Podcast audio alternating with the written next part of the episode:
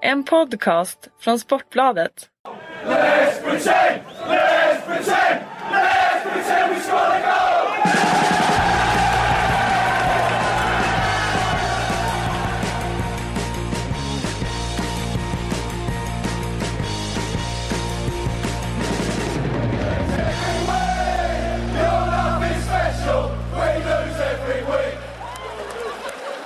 Då är ni som vanligt hjärtligt välkomna till eh, Sportbladets lilla poddstudio här eh, i centrala Stockholm.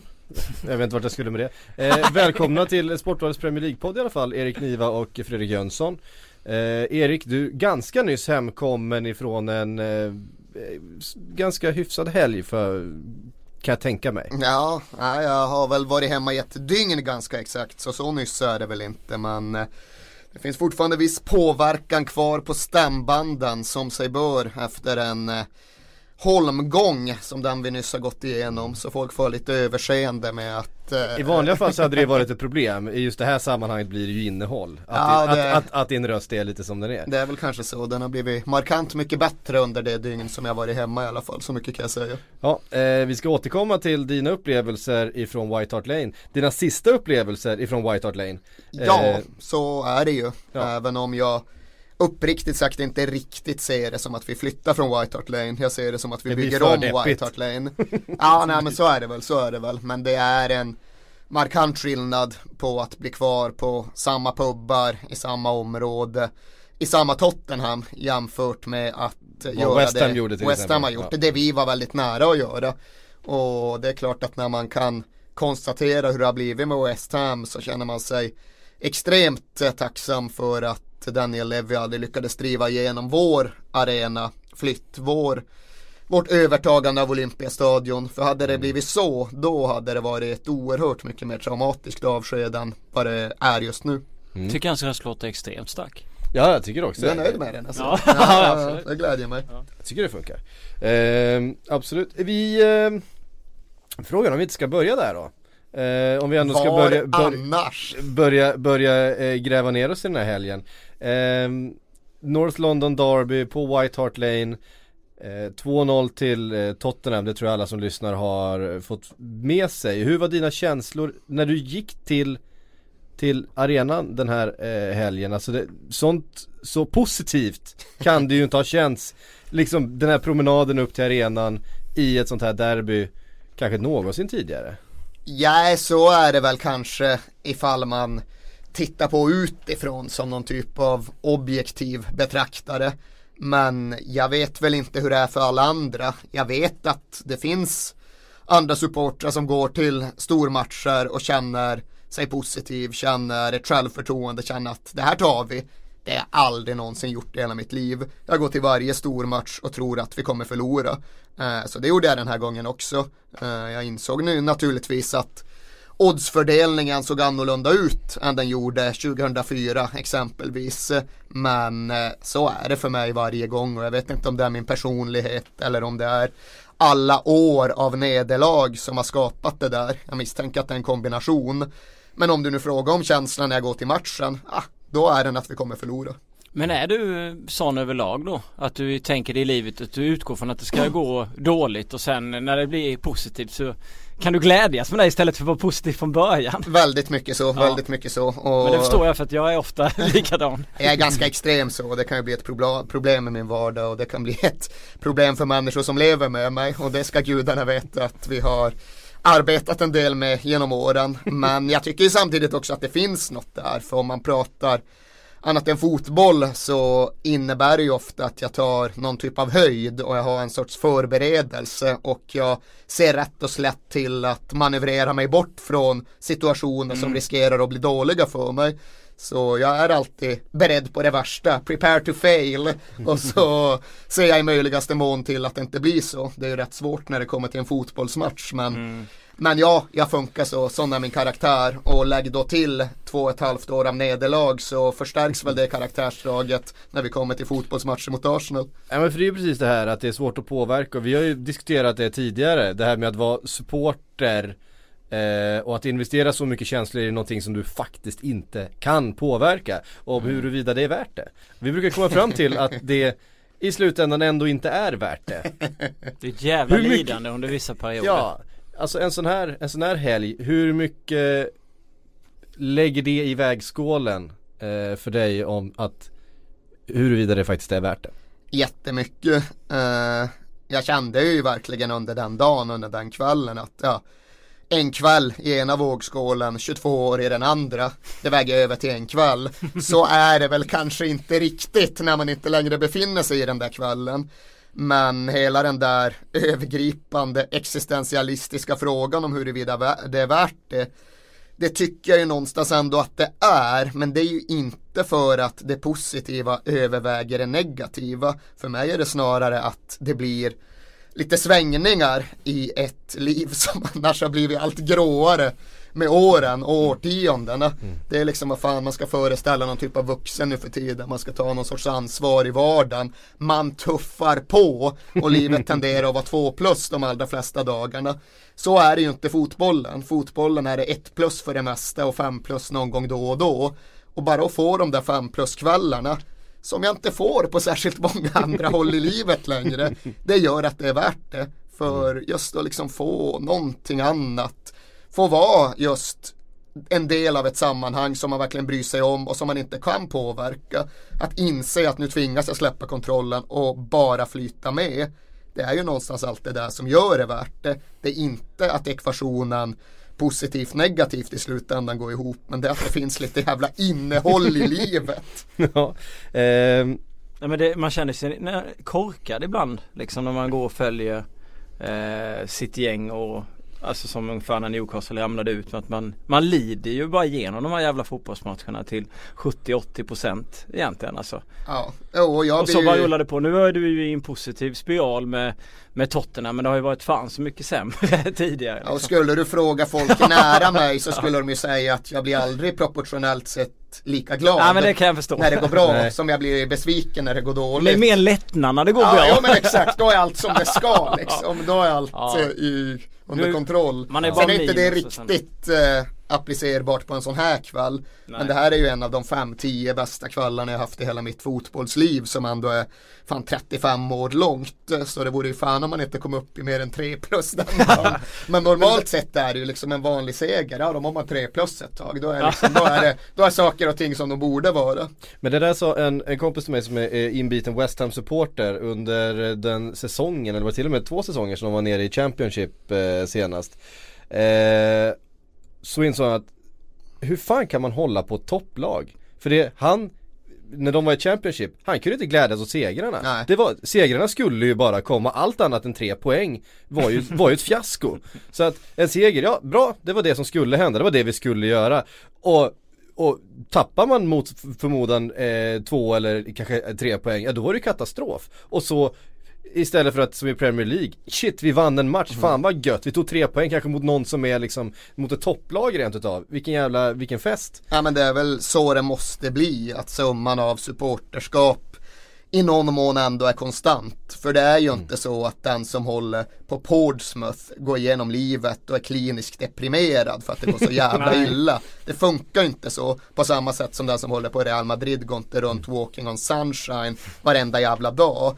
Utan på något sätt anpassar man ju precis som du är inne på förväntningarna efter kravbild på något sätt och man anpassar reaktionerna efter sin egen förväntningsnivå. Så håller, hade jag hållit på Real Madrid så hade jag väl varit glad tre gånger om året och det är när de vinner mot Barcelona och när de vinner Champions League typ. Ja. Och sen så är man mer eller mindre likgiltig när de slår Real Zaragoza och sen är det precis. världens undergång när de spelar kryss mot eh, Malaga. Malaga. Ja.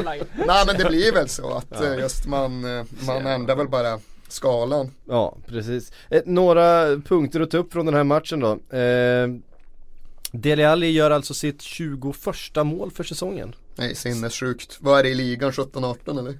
Eh, Ja det måste ju vara något sånt då Ja. För att så många hann det väl inte bli eh, i Europa. Han gjorde något mot CSKA Moskva, han gjorde något mot Wickham i cupen men ja men säg 17 eller kanske 18 till och med i ligan. Vilket är ju rätt fantastiskt med tanke på att han ett inte är striker och två är 20 år gammal. Han fyllde 21 här om veckan men visst, Ja, okej. absolut.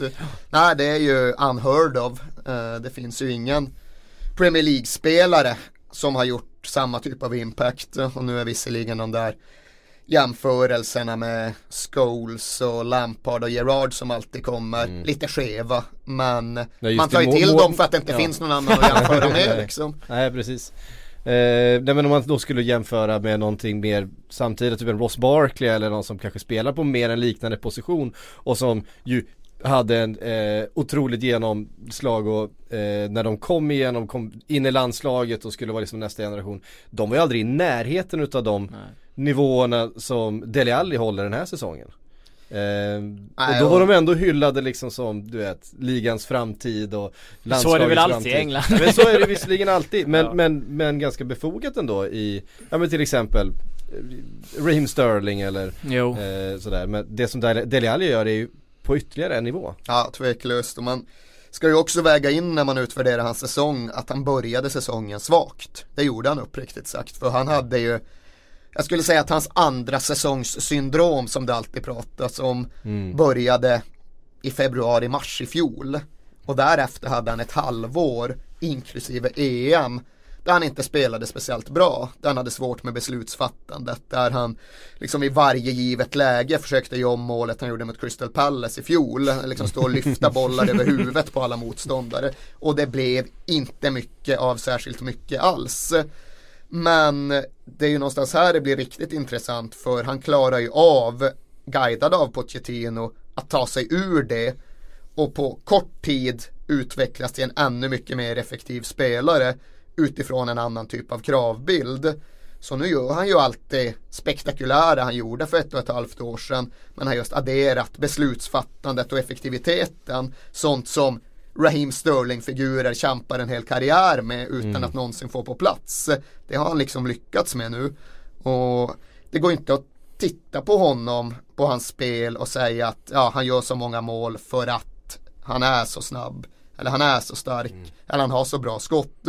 Utan han gör ju så många mål för att hans spelförståelse, hans timing är på en annan nivå. Han är så skicklig på förutspå vart bollarna kommer dyka upp och rör sig dit en halv sekund före någon annan och på så sätt får den där ytan.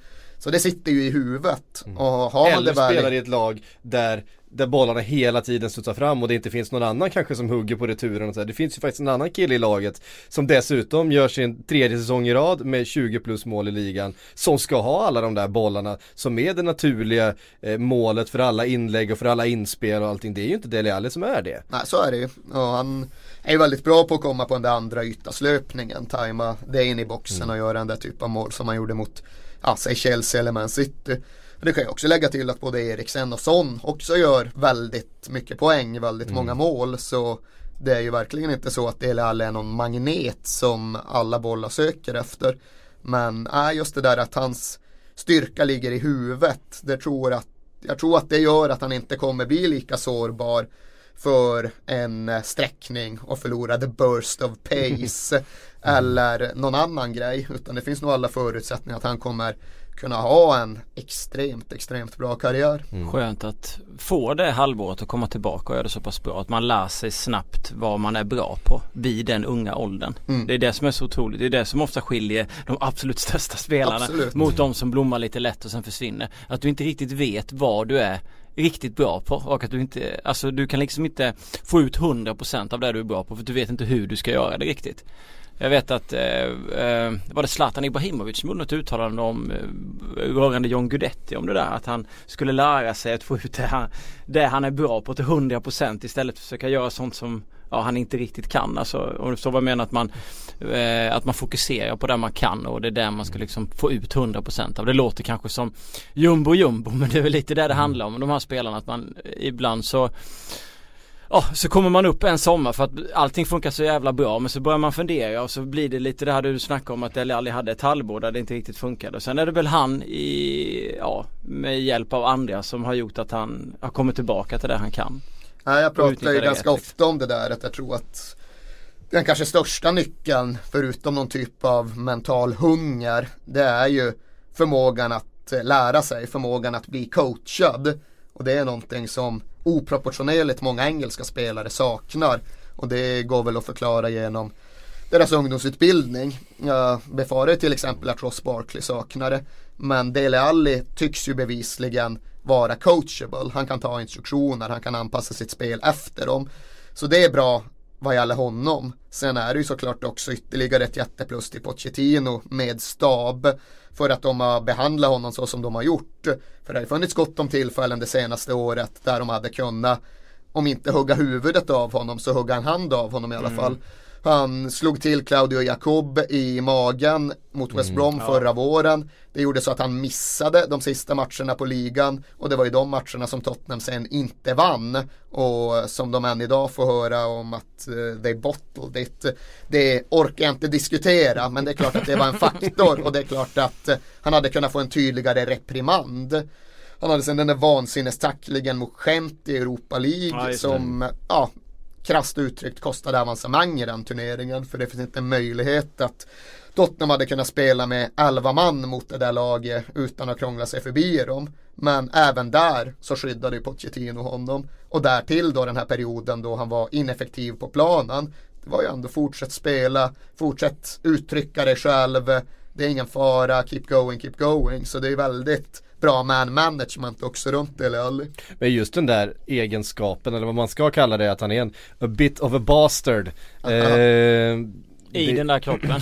Ja men i den där kroppen, alltså jag tror att man måste, man måste ju ha ett mått av det där. Som Graham, Graham Sunes var ju den första att hylla honom för den när, ja det var väl när han hade sopat Jakob ja. i magen. Jag tyckte, det tyckte Sunes var kanon. Ja, men det... eh, han, han, han, han om någon spelade ju på det sättet kanske men, men, men det finns ju en poäng i det att det, det visar ju ändå på liksom en hunger också att man är faktiskt är beredd att, att göra det som ibland Vill krävs för att, Suarez, för att, eh, ja, men för att vinna en fotbollsmatch. Ja. Jo, nej, men det är ju... Man måste ju ha basters på plan. Mm. Du hittar väl väldigt få riktigt framgångsrika spelare som inte har det. Mm. Sen blir det ju tydligare i vissa än i andra och det blir väl kanske mest eh, i ögonfallande kring de här kreativa, estetiska spelarna som är så eleganta och sen plötsligt kickar de någon jävel i knät när ingen kollar på. Och mm. det var ju liksom den ängeljävul jämförelsen och parallellen som Zinedine Zidane mm. brottades med eller mm. drogs med eller definierades av under hela sin karriär. Hur kan han chippa en straffribba in i en VM-final för att sen skalla en kille i bröstet och knalla av. Jo, för att han var Zinedine Zidane och han hade mm. aldrig spelat den där VM-finalen ifall det inte vore det. Nej. Och det är ju alltid den där balansen för, ja, i någon mån vill man ju alltid slipa bort det värsta men behålla hungern och elden i ögonen. Man vill mm. att Steven Gerrard ska hoppa in i lite färre tvåfotstacklingar i derbyn. Mm. Men man vill ändå att han ska vinna ensam en Champions League-final mot Milan. Man vill att Wayne Rooney ska förbli den där killen som springer på allt men kanske ska vara lite mindre gatugrabb i de fina salongerna. Och det är väldigt svårt att få den balansen rätt. Mm. Och uppriktigt sagt tycker jag väl oftast att det går mer fel än det, för blir rätt. För det som är grejen att börjar du där, att du, att du är liksom en Wayne Rooney eller en Steven Gerrard som du måste liksom på något sätt fila ner kanterna på snarare än eh, Raheem Sterling som vi använt som exempel som kanske saknar det där. Eh, som inte är speciellt mycket bastard på planen i alla fall. Um, um, och det är svårare att liksom kanske lägga till det i hans spel. Han har duktigt pressspel och så vidare men, men just det där att Mm, du vet den sista, den sista grejen. Um, alltså är det, det är svårt att träna till sig den, mental, den, det mentala, det beslutsfattandet och den liksom på något sätt glöden. Ja, jag tror det är en relevant iakttagelse. Jag tror det är jävligt svårt att bli killen som biter någon i axeln liksom. Man, ja, man är nog det.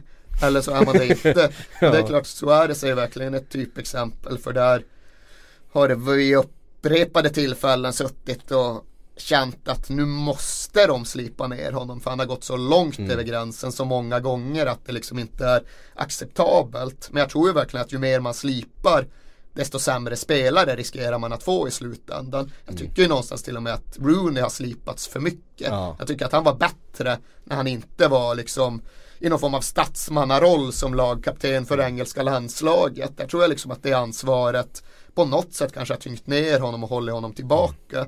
Men det där är ju en oerhört delikat balansgång. Så är det ju. Paul Scholes hade ju alltid en benknäckare i bakfickan om det liksom karriären igenom. Absolut, om, bra om det behövdes. också. Balotelli då? det, han är, där ska vi inte Han är långt ute på den skalan men, nej, men jag, tror så här, jag tror du hittar det i stort sett alla hittar Ja. det i Beckham också ifall Ja, man är visst. sån liksom. Han var ju Du hittar det i Messi också. Ja, ja, ja, ja, ja. Picardia, Argentina Alltså du hittar det i alla, alla argentinare Alla har, har ju ganska är mycket ju av det där i sig. Alltså. Ja. Nej alltså det är ju, man tänker någon, ja, Ronaldinho hade väl faktiskt inte det, han hade bara sitt sånt här liksom Audi-aktiga leende. Han hade inte Han är det enda lunchen. exemplet. Ja det var det jag kom på bara när jag försökte freestyla i huvudet. Jag har lite svårt, jag tänkte på han i Monaco också, Mbappé, den här unga killen som kommer fram. Tror ni han skulle komma bli en sån också? Jag har sett för lite uh, ligaspelet, ett Champions League Han, så är ju, blir det liksom en annan han flyger ju fram där men alltså se han hålla på att svina har jag svårt för men det kanske blir så. Ja, Han är ju tydligen liksom väldigt eh, liksom speciell, han är ju besatt av fotboll säger han Mm. själv och tittar på liksom eh, fyra, fem matcher varje dag ja. liksom. Det står fotboll på hemma hela tiden, han bor i en liten etta och han, han är liksom aldrig ute och gör ingenting utan han, det är bara liksom fotboll i huvudet hela tiden så att Nej, Jag tror ja. att det kommer finnas en diskussion kring det allt mer liksom finslipande akademinätverket. Att när man kommer genom ett sånt, när man har spelat i den där oerhört utslätade, tillrättalagda miljön från sex års ålder tills man börjar sen- spela seniorfotboll. Då är det nog så att man kanske är mer sandpapprad än man har var, hade varit ifall man hade spelat på gatorna tills man var 15. Som ja, till exempel Rooney bevisligen gjorde, som Suarez bevisligen gjorde. Det tror jag nog att det kommer att behöva resoneras kring. Jag tror att vi kommer få fler liksom, välbalanserade, jämnrunda spelare. Men också färre spelare med den där otyglade kreativiteten, med den där elden i ögonen. Och man kan ju tycka att det finns å ena sidan och andra sidan här. Men eh, jag tror väl att fotbollssporten som helhet kommer att eh, må sämre när alla de här karaktärerna i någon mån riskerar att försvinna. Sen är det klart att eh, det är fullt möjligt att utvärderingen av akademisystemet ändå blir positiv för de kommer släppa ut fler 18-åringar i samhället som kanske är bättre rustade för ett välbalanserat liv. Det är väl, det är väl uppsidan. Jag såg en intervju med Steven Gerrard som nyligen har blivit ungdomstränare då för, för Liverpool och han Det han sa, det han såg och det som var hans Hans liksom mission här var ju att ja, men de här killarna har jättemycket talang, jättemycket boll, de var eh, taktiskt väldigt duktiga men De är inte riktigt där och han var väl inne på precis de här sakerna. Du måste vara beredd att, att kliva in i den där eh, i den där närkampen även om du vet att du kommer förlora den. Du måste in i den. Du måste springa tills dina lungor brinner i varje match. Du måste göra det och det var liksom så här, de egenskaperna är de som han kommer bara liksom prioritera. Det är de, de spelarna som visar det är ju de som han kommer eh, Ja helt enkelt premiera i, sin, i sitt ledarskap. Ja, För att han säger någonstans- det är alldeles för lite av den varan bland de spelarna som han såg. Ja men då kommer man tillbaks till den ingångsfrågan du hade som jag inte vet om det finns något bra svar på. Men det är ju det, ja, går det att utveckla, att träna upp den där elden. Och ja, Svårt, att, svårt att träna en person till att bli som Roy Keane. ja Det jo, gammal, men det är, liksom. väl så, det är väl ändå just det på. som Roy- Steven Gerrard i så fall är inne och tassar på. Inne och tassar Eller att man, man kanske i den, de åldrarna då liksom under tonåren måste sätta det här i huvudet på dem kanske, eh, alltså i en människas belöningssystem att eh, nu får man mycket fler applåder om man överstegsfintar och, och skruvar in en boll i bortre stolpen Mm. än om man tar en 60 meters löpning för att kasta sig in i en, i en närkamp som man ändå kommer förlora för att sen behöva springa tillbaks. Ehm, Nej men det vore väl ganska sunt för hela fotbollsrörelsen, för hela idrottsrörelsen, för hela jävla samhället. Ifall det gick och vi, ifall det visade sig att det gick att just utveckla fram detta snarare än att förutsätta att någon jävel måste ha vuxit upp i svält och fattigdom och slagits Ja. med knivar mot hundar varenda tisdag i månaden liksom. Ja exakt, så det är väl en intressant väg att slå in på och se vad man kan hitta där. Mm. Ehm, det blev en väldigt lång utläggning här. Vi började med Deli Alli eh, och vi får väl bara knyta ihop den här säcken då eh, kring Tottenham och Arsenal för det var ju faktiskt ett lag till på banan. Så Eh, att det finns en del att ta av i den där säcken men du får nog välja vilka Ja. paket vi ska in och tafsa på eh, vi har ju fått en massa frågor sen också förstås. Men eh, vi måste säga någonting om eh, Arsenal och deras säsong och det sättet som de som de kommer till den här matchen och så som de genomför den för att det är ju ett, ett håglöst, ett stundtals förvirrat tycker jag eh, Arsenal som med den här trebackslinjen som gett dem någonting då i eh, fa Cup-matchen mot, eh, mot Manchester City. Eh, Alltså det verkar ju inte som att spelarna överhuvudtaget vet vad de håller på med i det här systemet och att Arsene Wenger känns ju som han har gett upp. Och det har faktiskt också kommit Rafael Honigstein, den, den eh, tyske journalisten som har ganska mm. nära relationer till många av de tyska spelarna, eh, inte minst i Arsenal, har ju faktiskt rapporterat om att det verkar som att Wenger ger väldigt lite instruktioner. Han är inte speciellt närvarande och att missnöjd mot honom är ganska utbrett inom i laget nu också, inte bara Wenger outskild. Take it away Jönsson, jag tror det är bättre ifall du pratar på det här temat just idag.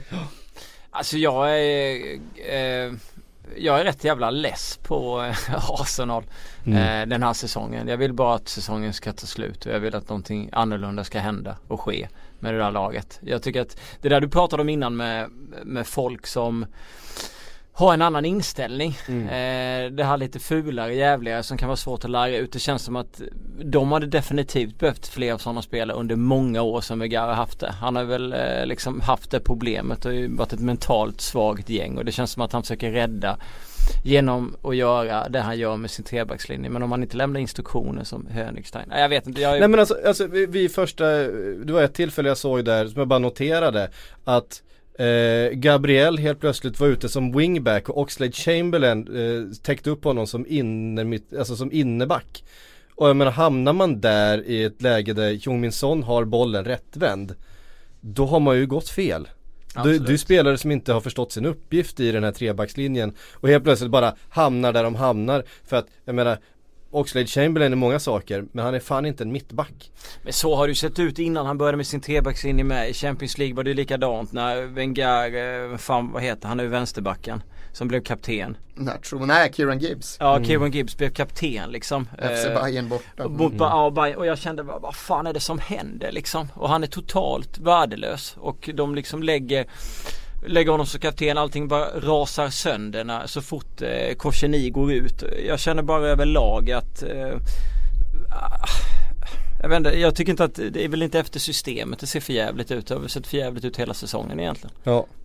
Uh, då lämnar vi det åt er. Jag är så trött vi har fått en, fått en, ja det, det, verkar som alla är det.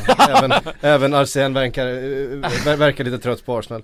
Uh, Bear Hellstream undrar, finns det någon motsvarighet till St. Tottenhams Day i Tottenham-lägret? Vad kallas den i så fall? Ja, det gör det glädjande nog inte för det där är ju, ja, det är så, det är så trött och det är liksom, det är så långt ifrån det jag uppskattar med så kallat banter inom fotbollen. Jag alltid, alldeles oberoende av inblandade klubbar och faktiska resultat tyckt att det är så jävla saggigt. Så nej, det är det är förhoppningsvis inget vi kommer hålla på att bry oss om. Eh, det spelades mer fotboll i helgen, eh, bland annat eh, två stycken Manchester-lag som inte riktigt levererade det man hade kunnat förvänta sig. Manchester City reste till Middlesbrough och fick faktiskt bara med sig en poäng mot eh, det ganska hopplösa Middlesbrough som vi har dömt ut flera gånger i den här podden. De knappt ut mål, två mål på, jag vet inte, hela säsongen känns det som. Ja, det känns inte som de har två mål i samma match mot, ja det skulle säkert vara mot Liverpool, jag minns faktiskt inte hur det har gått, gick i första mötet där. Eh, men, men, men Manchester City som ju måste kriga om den här tredjeplatsen. Det är ganska stor skillnad som vi kommer ihåg nu mellan en tredje och fjärde plats sen de ändrade kvalreglerna där, där fjärdeplatsen i, i England mycket väl skulle kunna hamna mot ett, jag vet inte, ett Napoli eller ett eh, mm. Schalke eller alltså något, något riktigt tufft kvalmotstånd i, i sommar. Everton fick ju Villarreal i nyllet när de för en gångs jävla ja. skull lyckades kriga sig till en, en fjärde plats och då åkte de ju på det Colina dömde bort med Duncan Ferguson mål och vad det nu var. Duncan. Mm. Ja, nej, det var ett tag sedan så de har väl under andra kvalsystemet både fram och tillbaka. Man kan inte ha Duncan Ferguson med kontinentala domare liksom. Det, ja, det, det går inte. Men, men det där, alltså att City spelar 2-2 mot Burnley Borough slår väl bara fast hur deras säsong har varit tillsammans med de här andra lagen som inte är Tottenham och Mm. Chelsea. Alltså den här balansen eller bristen på balansen i, i lag och prestationer under hela säsongen oavsett om det har och varit det är i inte ligan bara det, de, det är ju en väldigt, väldigt billig straff och sen så krigar de till sig ett mål i 87 minuten för att Mm. rädda det här krysset, Manchester City. Det är inte så att de, de ligger på och de har bollar i stolpen och det är fullständigt övertag och sen så lyckas Middlesbrough. Middlesbrough är nästan närmare tre poäng än vad City, eller de är närmare än eh, tre poäng än vad City är i den här matchen. Jag såg noll minuter av Manchester City, jag såg noll minuter av Manchester United. För det här Men var du mitt, kommer aldrig glömma Ander Herrera eh, efteråt. Som, Du har sett målet när han springer tillbaka och ställer sig Frisparken, stolpen. ja, det har faktiskt- Det är ju ett minne som man alltid kommer få med sig Ja, eftersom ja. att det är så sjukt ja, det här var ju, fan, det var ju mitt under min pubtid före matchen. jag, Jag förstår det. jag har sett noll och ingenting. Nej, Eh, vi, eh, vi respekterar det. men absolut, vad, för jag såg bara något så här, ja, 10 sekunder på Twitter. Men, Det är sjukt kul, han, Gud förstår ju redo och Ander Ja. Märker ju detta sen springer men är det tillbaka. inte att de skickar fram någon lirare som ser ut att göra någon typ av Brolin-löpning och Nej. på så sätt? Är det inte nej, det? nej, nej, Nej. det är inget sånt utan nu byter vi match här. Nu, Ja, nu, ja men 2-2 Borough City, vad behöver vi prata om? Ja? Manchester, Ja. Manchester United mot, mot Swansea då. Nej. Uh, Gylfi får ju upp ett perfekt Gylfi-läge. Ja, Eh, eller Gilfi. Gilvi tror jag till och med. Gylfen är halvvägs. Eh, ja, han, vi, vi pratar om att han sätter 50% av de här. Eller Al- kanske- alltså, från, från, det, lä- från det läget, Ja, alltså, det, som är så pass rakt på men det är ändå så pass att de Gea måste släppa, Släppa sin, egen, sin egen ena stolpe och lita på muren där och Gilvi han, han, han sätter ju varannan sån frispark skulle jag säga. Och Herrera står i den där muren längst ut och han inser precis när Gilvi stegar upp att det här blir mål. Det här blir mål. Så han springer ner och ska då ta stolpen. liksom så här, bara i full panik. Varpå eh, Gilvi bara skickar, skickar ner eh, Jorente, Han pekar åt Jorente, Fan, ner och ställ dig framför det sker nu. Så lobba in den så bara kan du knoppa in den. Eh, och Herrera får panik, springer upp, ställer sig i muren igen och precis när han har ställt sig i muren, ja då bara lobbar, lobbar Gilvi in den i, i rätt stolpe. Hur säkert som helst och den sitter ju så bra så jag tror inte ens att Herrera hade kunnat styra bort Fan vad den. knäckt det hade varit som Herrera. Alltså vilket, alltså vilken sitter jävla i ångest krysset, av att, att springa tillbaka och känna att ah nu har jag läst han så jävla rätt och sen släpper han den och så bara ser man den gå in. Han, han, han agerade lite markör kan man säga. Här, Ja. här ska du slå bollen och så springer han tillbaka och ställer sig. Ja herrejävlar alltså. Nej Ja. den är, ja, Ja, den det är fantastisk. Jag kommer märklig- aldrig glömma. Jag satt och kollade på den winen hur många gånger som helst en 10 sekunder bara fan. En märklig sekvens alltså. Det, Ja. det är ju, man märker ju att Herrera he- hinner tänka så väldigt många tankar i där han springer fram och tillbaks där. Det är just typ så att det är ha- han också för eh, det tycker jag ju att han generellt sett är väldigt bra och jag tycker att han har varit ännu mycket bättre på sistone Mm, och verkligen. att han därtill verkligen har det här fotbollshuvudet eh, som gör honom både förmögen att ta instruktioner och anpassa sig efter dem och behöver han ligga på Hazard i en match så ligger han på Hazard i en Och i allra högsta liksom. grad en bastard. Absolut, Ja. Nej, och trots att han är pretty boy från eh, Baskien liksom. Ja, visst. Men är fin jäkla mittfältare. Men där hade det väl kanske varit bättre att ha en kille som inte tänkte så mycket. Som, ah, du ska stå på linjen, ja visst. visst. Bara stå där på linjen liksom. Skicka ner någon korkad jävel och ställa Som inte försöker hålla på och läsa spel fram Ja. och tillbaka. För där måste det bli vad han tänkte för mycket. Ja, Ja, det- exakt, det att liksom- hade du skickat ner en idiot så hade ju inte han flyttat på sig när Juventus. Han hade ju bara stått kvar liksom. Nej, det, är- det är så väldigt uppenbart, för det är bara han också. Det är, inte, det är ingen instruktion eller någonting. Han bara, det bara dyker upp ut bara, helvete också, den här kommer gå in. så han springer ner och ställer sig. Men alltså det bästa med Borough City eh, var väl att det blir ännu mer eh, jämnt om den här tredjeplatsen. Eh, ja det blir det ju. Ja, det Så vi får ju mer spänning så. Nu har väl Ja. ni ändå greppet om det igen. Ehm, 69 poäng har vi och City har 66. Ni har 69 och City har 66 va? Precis och United, har United 65. 65. Men, då, men då har Liverpool en match mer spelad. Var Arsenal 48 eller? Ja, Eh, Arsenal på? har 60. Eh, med, eh, med 33 matcher så två matcher färre spelade än Liverpool. Liverpool har eh, 35 matcher. Manchesterlagen har 34 matcher spelade. Eh, Ja. Och ligger då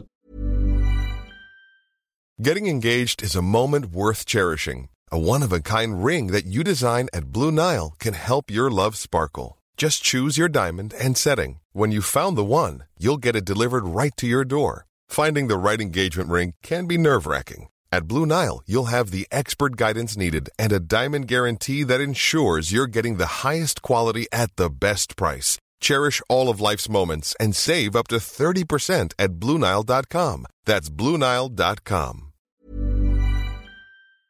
tre respektive fyra poäng bakom. Ni mötte Southampton. känns ju avlägsna för att de kommer prioritera Europa Ja. League och de har Och de 3000 har- skador och Mourinho är sur och kommer De har Arsenal och Spurs borta kvar. Ja det känns som att han kommer De- vika de matcherna bara för United att vet göra någon också typ av att- poäng liksom. Celta har väl också satsat enormt. De vilade väl i stort sett hela Ja, ja, gänget visst. mot Bilbao och fick stup stordäng. Vi ska faktiskt prata, jag tänkte vi skulle komma in det eftersom vi gick alla händelser i förväg med, med, med frisparken så tänkte jag att vi skulle prata för att nu var det så att Erik Bailly gick av skadad Ja, just det. och Luke Shaw under den här matchen. Han bytte tidigt. ja efter bara åtta minuter. Ja. Jag vet vad jag sa, Eh, att då blir Mourinho sju på show. Ja, Bajir skiter han totalt Ja, det är nej, nej, han sa ju det efteråt.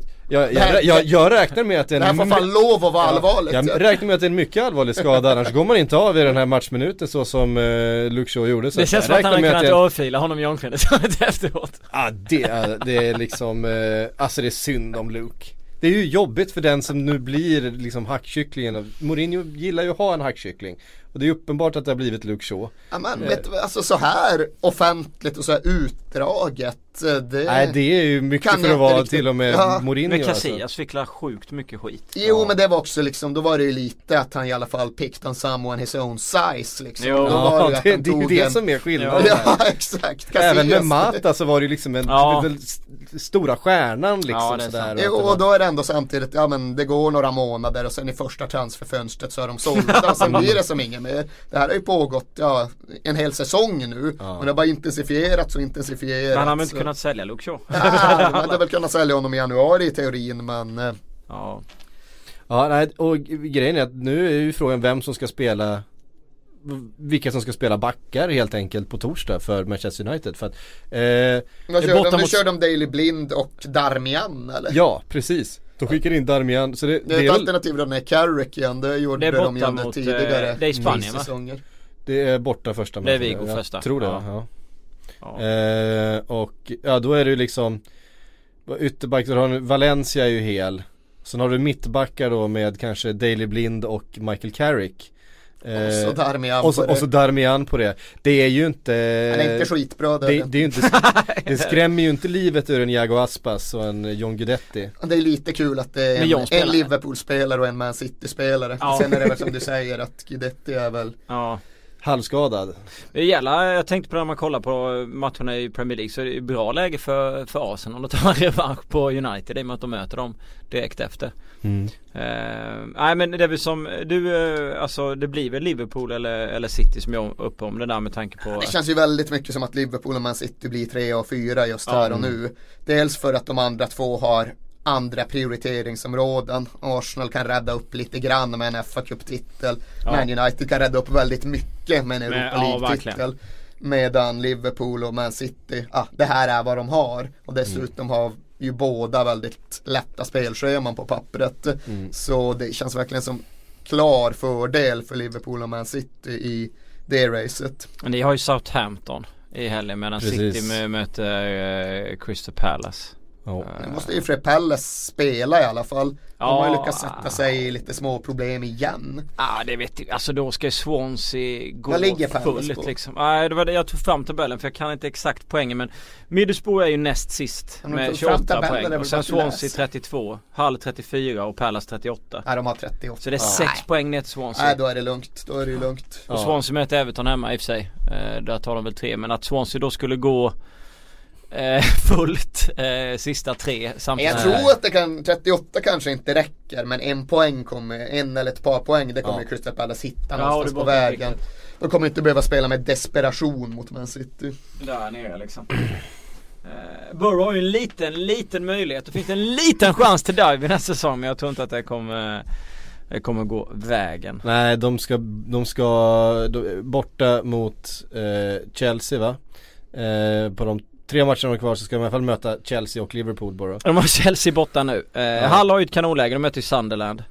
Och sen har vi då eh, Swansea som tar emot Everton. Jag såg någonstans eh, att om man bortser från ditt jävla Newcastle så går väl typ alla klubbar i hela nordöst precis åt helvete.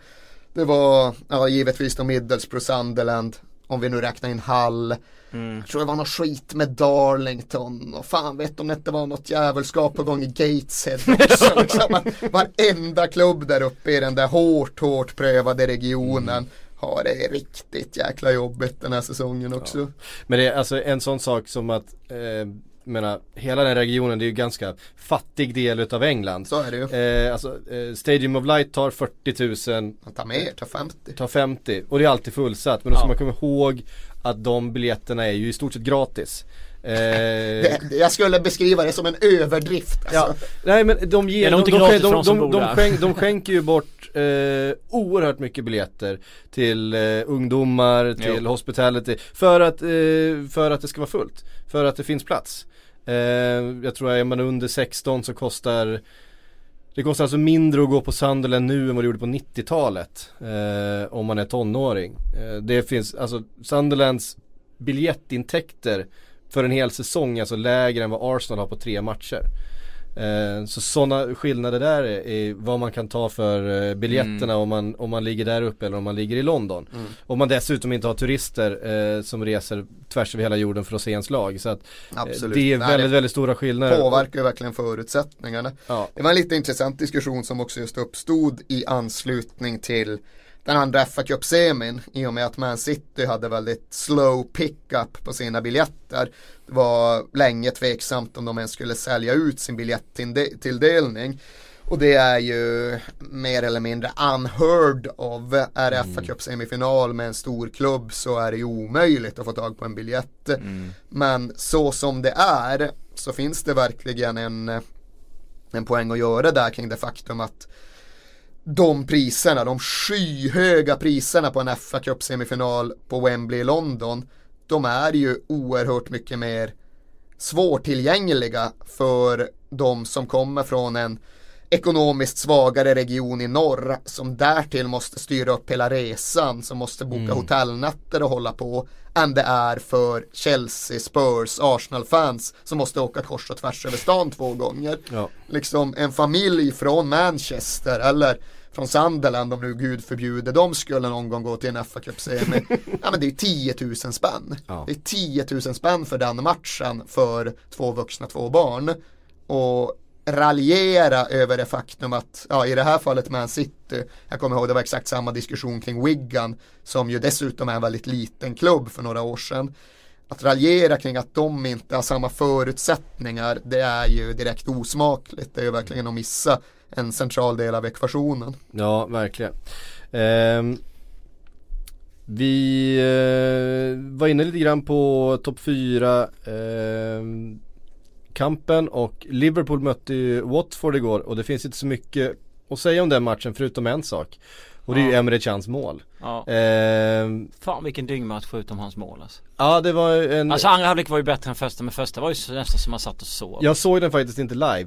Eh, utan jag har sett den i efterhand bara eh, och spolat mig igenom ganska stora delar där det inte Du hände reagerade så. när Luke, eh, Lukas Leiberg gick omkull. Du tänkte är det straff eller? Nej det var en nej. usel filmning. Det var, Och sen så såg han det här inlägget som Den sämsta filmningen man Nej, någonsin har sett alltså. Tom Cleverley blir ju Eh, helt vansinnig. Ja, Men ser du Eh. matcher i efterhand? Jag gör ju aldrig det nu för tiden. Liksom, jag klarar inte av ser att väldigt mycket matcher i efterhand. Ja, vad fan, man kan ju alltså, det är ju helt omöjligt att hålla sig borta från hela det socialmediala bruset, hela sms-floden. Mm. Nej jag vet ju vad det blir Ja, alltså. då pallar jag inte att kolla om jag vet hur det har gått. Jo, liksom. jo, ju, jag man får ju på- sätta telefonen på flygplansläge.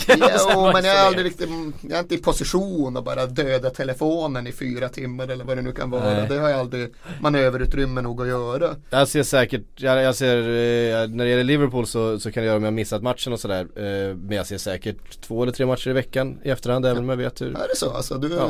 du har gjort en annan, tvillinglivet har Det har jag, jag har tvingats an, Kräftan an, an, anpassning. anpassa mig så, eh, så så är det. Men Ja, jag, skit- jag, jag har börjat uppskatta det också. Så att s- tittar man ju med ett öga sådär, man vet hur det, vad det blir och att, vilken matchminut och så vidare så kan man. Ja, när jag var Eh. liten gjorde man ju det jättemycket när jag gick en match i veckan och man inte hade någon Mm. mobiltelefon. Då var det bara strunta i att svara på fasta telefonen i Ja. två timmar. Sen var man good to go liksom. På med VHSen och köra. Det gjorde Mm. jag jättemycket men nej, idag gör jag det aldrig.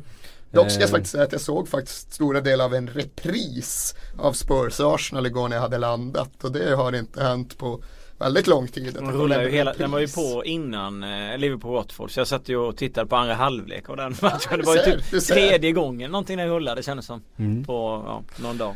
Eh, nej men vi måste, vi måste säga någonting om Emre Chans mål. Hur, det säger ju någonting om spelaren Emre Can att han Han har ett sjukt självförtroende. att, att han, fatt, att han fatt, fattar det beslutet. att, att han tar den löpningen, det ska han göra, det är hans uppgift. Eh, men när bollen kommer lite bakom, han minns, inser att, alltså n- 999 spelare av 1000 tar ju ner den på bröstet. Och skjuter I, över. I, i, alla, i, alla, I alla fall mittfältare tar ner den på bröstet och försöker hitta någon som är rättvänd. Ja, Eller kanske vänder om, om det är en striker. Eh, om det är en Lukaku så försöker han ju vända om och avsluta. Lewandowski hade kunnat cykla in den där också. Ja men det är väl typ en Lewandowski eller en en Emre Can. Han är, han är mystisk på det sättet att han, han, hans självförtroende spelar ingen roll hur dålig han kan vara. Men han var väl Han lika frustrerad och trött på den här jävla matchen som alla andra. Ja. Eh, och sen hade han Nu lite får det mycket fan hända något. Ja, nu får det hända precis. någonting så cyklar han in den Nej, här men jag tycker bollen. väl det är det som gör det målet. Det är ju att ja, bollen, att han bara fortsätter bollen i samma riktning som den kommer. Ja. För liksom cykelsparkar på inlägg, det ser man ju ganska ofta. Ja. Men just den där typen av spark på en boll som ja, mer eller mindre chippas framåt i planen och han egentligen förlänger den liksom. Skarvar in den med en halvbicykleta. Det är ju rätt ovanligt. Sitter så orimligt bra i mål också. Liksom där. Ja, Ja den sitter ju perfekt liksom. Ja, det är så ja. Det är helt otagbar. Ja, Eh, ja, det, men annars det, är rätt eh, trött, eh, eh, trött, eh, jag vet inte, trötta spelare i Liverpool. Fan är energin? Vad är Ja, det- Klopps energi? kan man fråga sig. Det brukar ta Eh, slut ungefär så här års eller på Ja. Men. Palace var väl också dynga liksom? De Palace var ju dynga. men- Ja, det Ja, men- ja, men Palace, eh, gången Den in- var fan inte bra nu. Nej, den var men alltså det känns som att, eh, ja. Eh, sen- Ja. Watford är ju rätt ointresserade, de har inte så mycket att Jävla märklig klubb att få grepp om på alla sätt och vis, både ur det korta och det långa perspektivet. Men jag vill bara säga det apropå Emre Jans mål, att jag noterar ju nu att alla ska som vanligt så fort det görs ett vackert mål utse det till årets eller årtiondets mål. Det. Alltså folks korta jävla minnen eller folks usla bedömningsförmåga, jag vet inte vilket jag ska skjuta in mig på. Men det blev ju ännu tydligare när Andy Carroll gjorde den där våldsamma, liksom volley, liggande volleyn någon vecka efter det som i mina ögon inte bara är säsongens utan alltjämt faktiskt årtiondets mål i Premier League. Jag tycker liksom att Giroud skorpion och det förspelet som leder till det, det är alltjämt på en helt annan nivå än både Andy Carroll och Emre Can. Och där förstår jag inte riktigt hur man kan ha en annan åsikt. Man brukar ju säga att man ska respektera andras åsikter. Nej, fan inte i det här fallet. Nej, eh, det var om, Ja. det var omgångens mål och det var ju lite taskigt mot Pedro som ju också gjorde ett jättefint mål. Eh, Fortfarande inte sett, gissa varför. Ja, jag undrar varför. Under pubtiden. Ja, precis. Eh, Pedro som inledde målskyttet mot eh, Everton då som eh, sen blev en ganska komfortabel Så Chelsea-seger. otroligt väntat. Ja, eh, Lika väntat som att sen- Tottenham eh, vinner derbyt mot Sen Arsenal. tycker jag att Everton var väldigt bra eh, fram tills det här målet. Alltså de stod upp. Ehm, ja, Det var en ärlig fråga som den. jag som sagt Jag såg inte det. ja. Eh, Jag det, räknade bara med att Chelsea skulle vinna lätt. nej, de, Everton var väldigt bra. Ja okej. Eh, och skapade en hel del. Fan vad Eh, deppigt. fram, Ja, ja, det hade varit, ja. det hade varit mycket Eh, skönare om de inte ens hade varit nära. Alltså Chelsea var väl strået vassare sådär men, men det var ändå, det var inte avgjort på något sätt. Och fram tills att Pedro satte den där bollen och då liksom rasade Everton ihop lite grann. Eh, och så blir det 3-0 till slut. Ja, men men det det, är det det, är var inte, det, med- alltså eh, resultatet speglade verkligen inte matchen, framförallt inte den första timmen där. Hur var Lukaku? Eh, han, han var pigg, han såg bra ut. Eh, som han ju gör. Hade ett par eh, bollar i, inte i virket men väldigt nära i alla fall. Så jag nu ska man försöka komma ihåg här. Eh, nu tappar jag namnet, vad heter han den där vänster, eh, vänsterytten eller vad man ska kalla honom. Den unge killen som har fått chansen nu senaste matcherna. Eh, tonåring. Tänker du på Calvert Lewin? Ja precis, Calvert Lewin hade ju faktiskt en boll i stolpen tidigt i, i eh, matchen. En, kanske en boll som, som igång, ja, nu. Ja vad fan, jag fattar det som att, de, att det var en överkörning och det är ju bara att tugga i sig i så fall men samtidigt är det ju Det precis det här som är 3-0 till grejen slut, med liksom. Jo men det är ju Ja. precis det som är grejen med Chelsea och det är ju det är ju skenbart. Man kan sitta Mm. vecka efter vecka och månad efter månad och säga att inget av resultaten i Chelseas matcher speglar matchbilderna. Men då får man ju någonstans lov att anpassa sin analys efter ett tag och konstatera att det speglar nog visst matchbilden eftersom att det är så här Conte vill att det ska se ut. Det är så här han har fått sitt lag att spela. Det handlar inte så jävla mycket om att diktera villkor mellan straffområdena. Det handlar om att vara bestämda i straffområdena och det är det Chelsea är bättre än någon Mm. annan på. Det är därför de vinner ligan. Ska säga att Chelsea hade ett par, ett par vassa målchanser innan Pedros också sådär så att eh, Nu var de bättre än Everton men det var inte en överkörning på det sättet som kanske re- slutresultatet eh, skulle vittna om. Eh, Tiden springer på här. Jag tänkte vi skulle säga lite mer om Sunderland också som då till slut då det som vi har känt på sen september typ. Och sen David Eh. Moyes gick ut efter två matcher och sa att nu är det nedflyttningsstrid. Eh, han, han har otroligt märklig eh, retorik kring laget. Han, han känns uppgiven liksom hela tiden. Nej, jag tycker verkligen att han har gjort en skitsäsong och det måste man kunna säga även i utvärderingen av en manager. Jag eh, tillhör ju inte de som tycker att man generellt sett ska vara snabb och sparka tränare. Jag tycker dessutom att Sunderland har ett strukturellt problem som är mycket större än deras 15 olika tränare på sistone. Men med allt det sagt och invägt så gör ju inte det att David Moyes går fri. För jag kan inte titta på den gångna säsongen och hitta ett enda argument för att David Moyes skulle ha gjort någonting bra. Nej. Och det absolut största problemet, möjligen bortsett från hans egendomliga retorik, det är ju hans värvningar. Och liksom vad, what's all that about? Hans Men, sätt alltså- att bara ta in sina gamla förbrukade spelare. Julian Lescott. Ja, Steven Pienaar. Alltså vad, vad, vad, är det där liksom? Ingen aning, Victor Anichebe. Och vad är Ja men det, det kan, alltså Victor Anichebe kan jag ju ändå någonstans liksom Nej, ja visst, men, men Ja, vi större poängen med Ja. Pienaar, det kan jag väl hålla med om. Han gjorde väl tre mål eller något och tog ner några bollar och avlastade Foe någon Han ser ju läskig ut om inte när man, alltså, när han, nej. han står där Donald Eh, Love och Adnan Janousa och vad fan tog han med in för gamla Men kan vi inte vara överens om alltså, att han, han, han, ska inte, han ska inte vara manager för ett lag i Premier League någonsin igen? Nej, alltså Men vad hände? Alltså, han brukade ju vara Han brukade ju vara fenomenal på det där Han var ju liksom I Ja. Everton var han ju liksom Varva Tim Cahill för inga pengar liksom, det var väl han? Det Ja, ja, det ex, ja, det, eh, han måste ha värvat ganska stora delar av de här, det gamla gardet där. Ja, ja. Eh, Col- Coleman tog han väl för, från typ Irland Ja, för ja. en spottstyver. Absolut. Eh, Ja men hela det laget måste ju ha Ja. varit hans. Jagielka och Alex Scott var ju Exakt. faktiskt bra en gång och, ja. och ja, Baines, tog han Baines från Wigan? Ja, Han var ju aslänge i Everton så det måste Ja, han väl ha gjort liksom. gjort, liksom. Mm. Så att eh, en gång i tiden måste jag haft ett öga för. Men en gång i tiden det. hade ju Wenger också det. Ja, ja, det, nej men det är en, det är en relevant invändning. Jo men alltså lite Ja. så vissa Time stops Vissa for går no ju, one. vissa går ju ur Nej, tiden, det exakt. ser vi ju överallt. Eh, Ja, det enda, det var väl en okej värvning att plocka in en dong. Det är det möjligen enda Mm. jag kan hitta som förmildrande argument. Men annars är det ju helt obegripligt. Det är just inte bara konstigt. Det är sådär att om man ska sätta sig in i en i en argumentationsövning ifall man ska träna för att gå upp i någon typ av debattboxning. Då ska man ju alltid liksom försöka sätta sig in i den andra sidans sätt att tänka och den andra sidans sätt att argumentera. Och här klarar jag inte av det. Om någon säger ah, att din roll är att vara David Moyes och prata för dina värvningar den här säsongen, hur låter det då? Ja visst, jag vill ha Premier League-erfarenhet, jag vill ha spelare som jag vet vad jag får ut av. Men efter de flosklerna, jag kan, inte, jag kan inte iklä mig den rollen. Jag kan inte säga något mer om hur jag tror att David Moyes resonerade. För det är Nej. verkligen obegripligt. Det är ju jävligt korkat eh, ofta som man säger att ett lag kanske behöver åka ur för att komma tillbaka men, eh, nej, men det Sanden- finns ju verkligen en, en, en poäng. De har ju hamnat i den här spiralen. Jo men eh, jag kommer ihåg när Sebastian Larsson skrev på sitt kontrakt för några, hur många år sedan är det när han förlängde? Är det Tre, fyra år sedan. Den år? förlängde eller när han skrev på. När han förlängde senast och det var, du vet de pratade om den här jävla jättesatsningen som Sanden skulle göra. Sen den påskrivningen så känns det bara som att de har varit i den här spiralen av att hålla på men- och åka ur, åka ur och varje jävla år har det sett ut så. Nej men, nej men så här va, den här spiralen som Sandra nu har varit i vadå, fyra, fem säsonger Där man på, i januari får betala överpriser Ja. för att medelmåttor ska komma dit överhuvudtaget och eh, kanske plocka någon från en från en mittenklubb ner till ett eh, relegation battle. Och då får du betala för det. Sen ska du då sparka en tränare och köpa ut honom. Eh, och så ska nästa tränare komma in då och få bygga om på något sätt.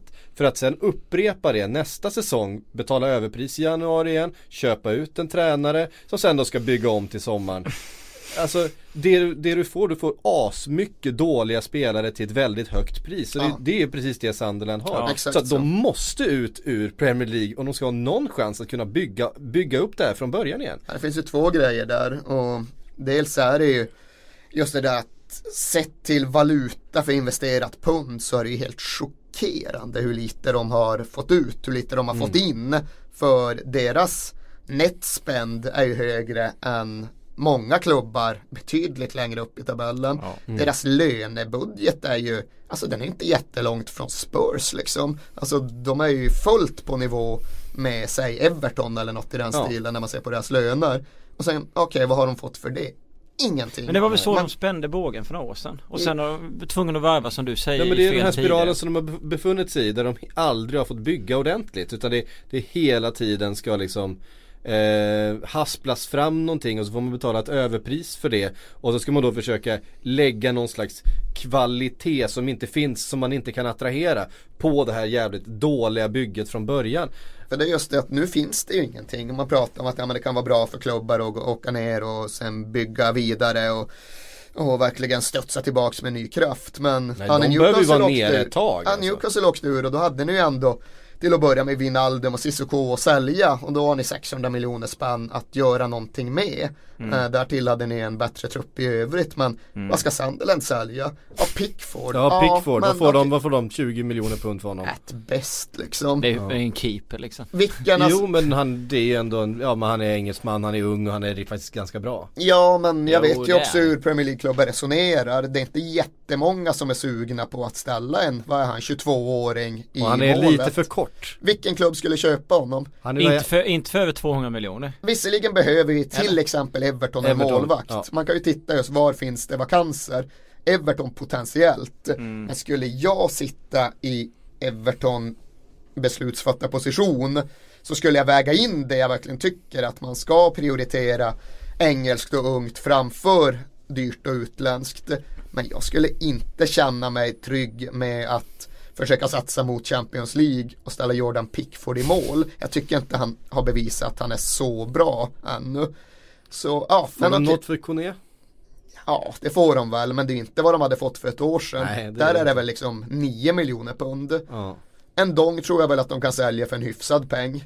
Men sen är det rätt mycket slut. Sen finns Defoe det inte eh, mycket har väl utgående kontrakt va? Du får inga pengar De får inga för- pengar för Defoe, Defoe och Sebastian Larsson och några spelare. Alltså det är inga... Nej det finns ingen resale value överhuvudtaget och det finns ingenting att bygga. Om man ser just på deras unga spelare då är det ju de här liksom Honeyman och de där och jag tyckte ju för att Watmore Mm. Vad heter han, Janne Boklöv-kopian som eh, Watmore eller? Ja, Watmore. Ja, ja. jo alltså grejen är att jag gillar Watmore. Jag tror att Watmore hade det definitivt gå att vinna Championship med. Ja, Men jag har precis. ingen aning om när han är tillbaka. Jag har ingen aning ifall han då har tappat lite av den där explosiviteten som gjorde hela spelaren. Så nej, det är alltså Sunderland, det är mörkt. Det är det faktiskt. Eh, fråga från Jonas Sällström till dig då Fredrik. Eh, hur tror du att eh, Seb Larsson resonerar kring sin framtid? Du som, du som är ute och fiskar bland agenter och eh, svenska landslagsspelare. Har du hört något? Nej, det det var väl på gång, eh, var det Turkiet det var snack om för några år sedan? var det ju. När han valde att valde att, att stanna. Nu har han tjänat klart Jag tror- med bra, bra tror- pengar Ja det de har han åren. gjort. Jag tror inte, Ja. han får ju inget Premier League-kontrakt nu liksom. Nej. Ehm, Träffade faktiskt Jonas Olsson i helgen bara. att han Och de är ju kvar, liksom. goda vänner. Och han hade ingen, så det är inte så att jag bryter några förtroenden här men det han trodde och liksom hans känsla var ju att han inte trodde att Larsson ville till någon allsvenska. Han har ingen riktig relation till allsvenskan, han har aldrig nej. spelat där. Eh, Så han trodde Till AFC liksom, bara för att det är Ja, Eskilstuna. precis, ja, det spekulerades ju mycket i det. Ja men- men det känns ju jävligt långsökt Ja, liksom. nej, Jonas Olsson trodde ju att han ville nog testa han ville nog testa en utlandsvända, för det är det det är frågan om för honom. Han har ju Ja, haft sin ju karriär i, hela, i ett och samma land. Ja. Så han trodde att han ville nog testa en utlandsvända, men då är det ju kanske snarare ett medelhavsland än det är ett skandinaviskt land. Ja. Det har han ju verkligen rätt i. Ja absolut. Eh, Jag skulle kunna tänka mig att det är rätt kul att spela i Turkiet en säsong. Inte just precis just nu kanske rent, Nej, jag rent mig politiskt också. är det, Vi är pratade det om stökigt. semester, bara fan Turkiet känns faktiskt inte som ett alternativ just nu. Nej, det är jävligt olugnt där. Uppenbara Men, men, men, men, Men du vill ändå ha tvåårig Gensler Birligi? Ja men eh, rent, eh, om, om vi bortser från det, om man, om man Svenskklubben om, Genser. om, om, om man då skulle kunna bortse från det så känns det som Kan att det finns väldigt mycket, finns väldigt mycket passion, det finns väldigt mycket Jag tror att det kan vara lite roligt Alltså man vill i- ju ha i- bilderna när Sebastian Larsson landar på flygplatsen Exakt. och folk bär runt honom. Det vill man ju. Det, vill Det finns ju, en, det finns ju en galenskap där nere liksom Men då ska det nog inte vara Genserbygg, då får det vara en klubb med lite fler fans Ja, va? det var ju Galatasaray och Linderoth, men det räcker. Alltså, du kan skicka Sebastian Larsson till Konya. Så nog fan skramlar de ja, ja, de skramlar ihop ett mottagande. Mm. Vart fan var det Darius Vassell gick? Var det Bursaspor kanske? Ja, det var Där var det, det ju ännu, alltså de fan, de stod ju och sköt med kanon landade liksom. Just Vasell Fan Adebayor gjorde väl tre i Turkiet i förra veckan va? Ja, men han spelar ju för Istanbul BB, Ja, de är ju ja. sjukt bra Ja jag liksom. vet. De slog för fan Galatasaray va? Ja, det var de han ledde med 3-0 efter typ Ja men det var ju han som gjorde tre va? Nej, den Eller var det matchen tror jag inte han gjorde tre. Jag såg att han gjorde tre, tror jag förra helgen. Sen tror jag Eto'o gjorde tre igen nu i den här helgen. Eto'o är ju grym Ja, alltså. det är klart han är. Men när Istanbul BB mötte Galatasaray så tror jag det var den unga killen som, vars namn jag inte kan, som gjorde mål. Ja, det var jag kan ju för sig ha gjort tre mål vid sidan av honom, det är möjligt. Ja, Han cyklade ju in en boll med, vad heter han, eh, El Kabir. I? Turkiet, ja för Genserbygg. Fan. Mustafa. Mål eller? Ja, höll nollan igen, kung. Johannes Ring? Ja, jag vet inte riktigt, jag vet bara att Hopp är jävligt bra. Det är klart Ja. han var. Han var, jag, såg jag såg honom i någon sån här omgångens lag va? Till och med Han har varit med typ 6-7 gånger tror Ja, Bäst statistik i ligan, sägs det ju. Adebayor, 7 matcher, 6 mål. Alltså vilken målskytt. Ja det var Eh. just det, var ju Besiktas de mötte i helgen. Det är jag som sitter och säger fel. Och då gjorde visserligen Adebayor ett mål, det är klart han gjorde. Men det var den här Sengis Under som gjorde två. Men då slog alltså Istanbul BB Besiktas och Här har du, kolla mot Galatasaray, 4-0. Vem gjorde de tre första? Ja för fan, men vad bra då med Istanbul BB nu, det är helt sinnessjukt. Varför åker vi inte ner dit?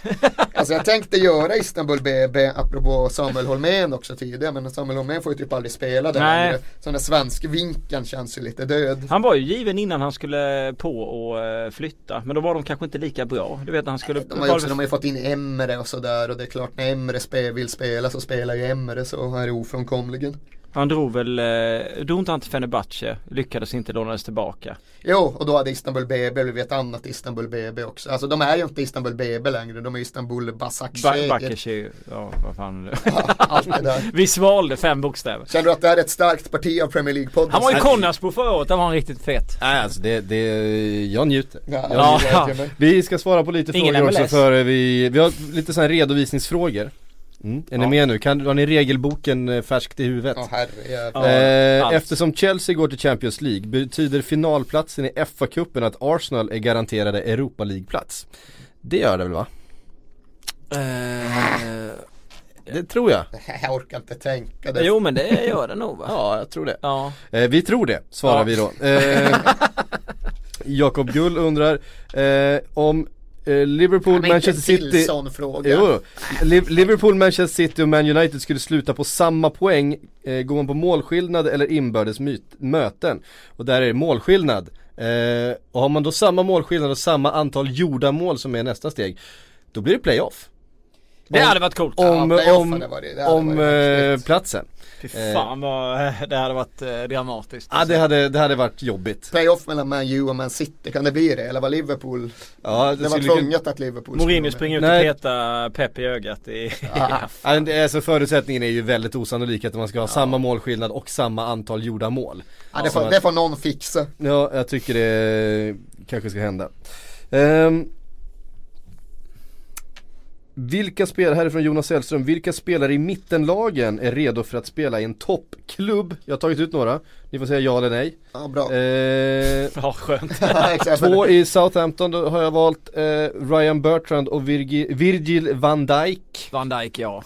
Ja på Bertrand också i och Ja. med att vänsterbackar är en bristvara. Ja, det- Van Dijk menar jag fortfarande är eh, lite ocoachad. Han behöver han behöver bli jämnare i sin prestation för att eh, inte hamna i någon typ av John Stones, Dejan Lovren situation. Han är en bättre spelare än någon av dem men han är inte färdig. Han har för många misstag i sig över en säsong. Men förutsatt att han visar sig vara coachable så är han ju ett jäkla råämne. Men jag Mm. tror inte att det liksom är en surefire hit. Att man kan ta in honom och sen känna sig trygg. Michael Keane i Burnley. Har du pratat så mycket om? Ja, jag brukar ju säga att ifall han får en bra karriär, en eh, maxutväxling på sin förmåga, då tror jag han kan bli typ Gary Cahill. Och Gary Cahill kan man ju bevisligen vinna ligan med, men det kräver rätt spelare runt honom och rätt manager. Jag tror inte att han blir någon typ av centralfigur, men han kan absolut vara en komplementsförsvarare även i en klubb som spelar Champions League. Eh, jag hade skrivit upp här Everton, men jag vet inte om vi ska räkna dem riktigt som en mittenklubb. De är nog så här mellan mitten och toppklubbarna. Eh, så vi hoppar De där, för där finns, där finns några uppenbara, typ en Lukaku förstås och, eh, och sådär. Men en eh, Wilfried Zaha i Crystal Palace kanske eh, skulle kunna vara redo för en toppklubb. Ja, men det, det tror jag ju. Han har ju gjort ett försök, det gick ju inte så bra.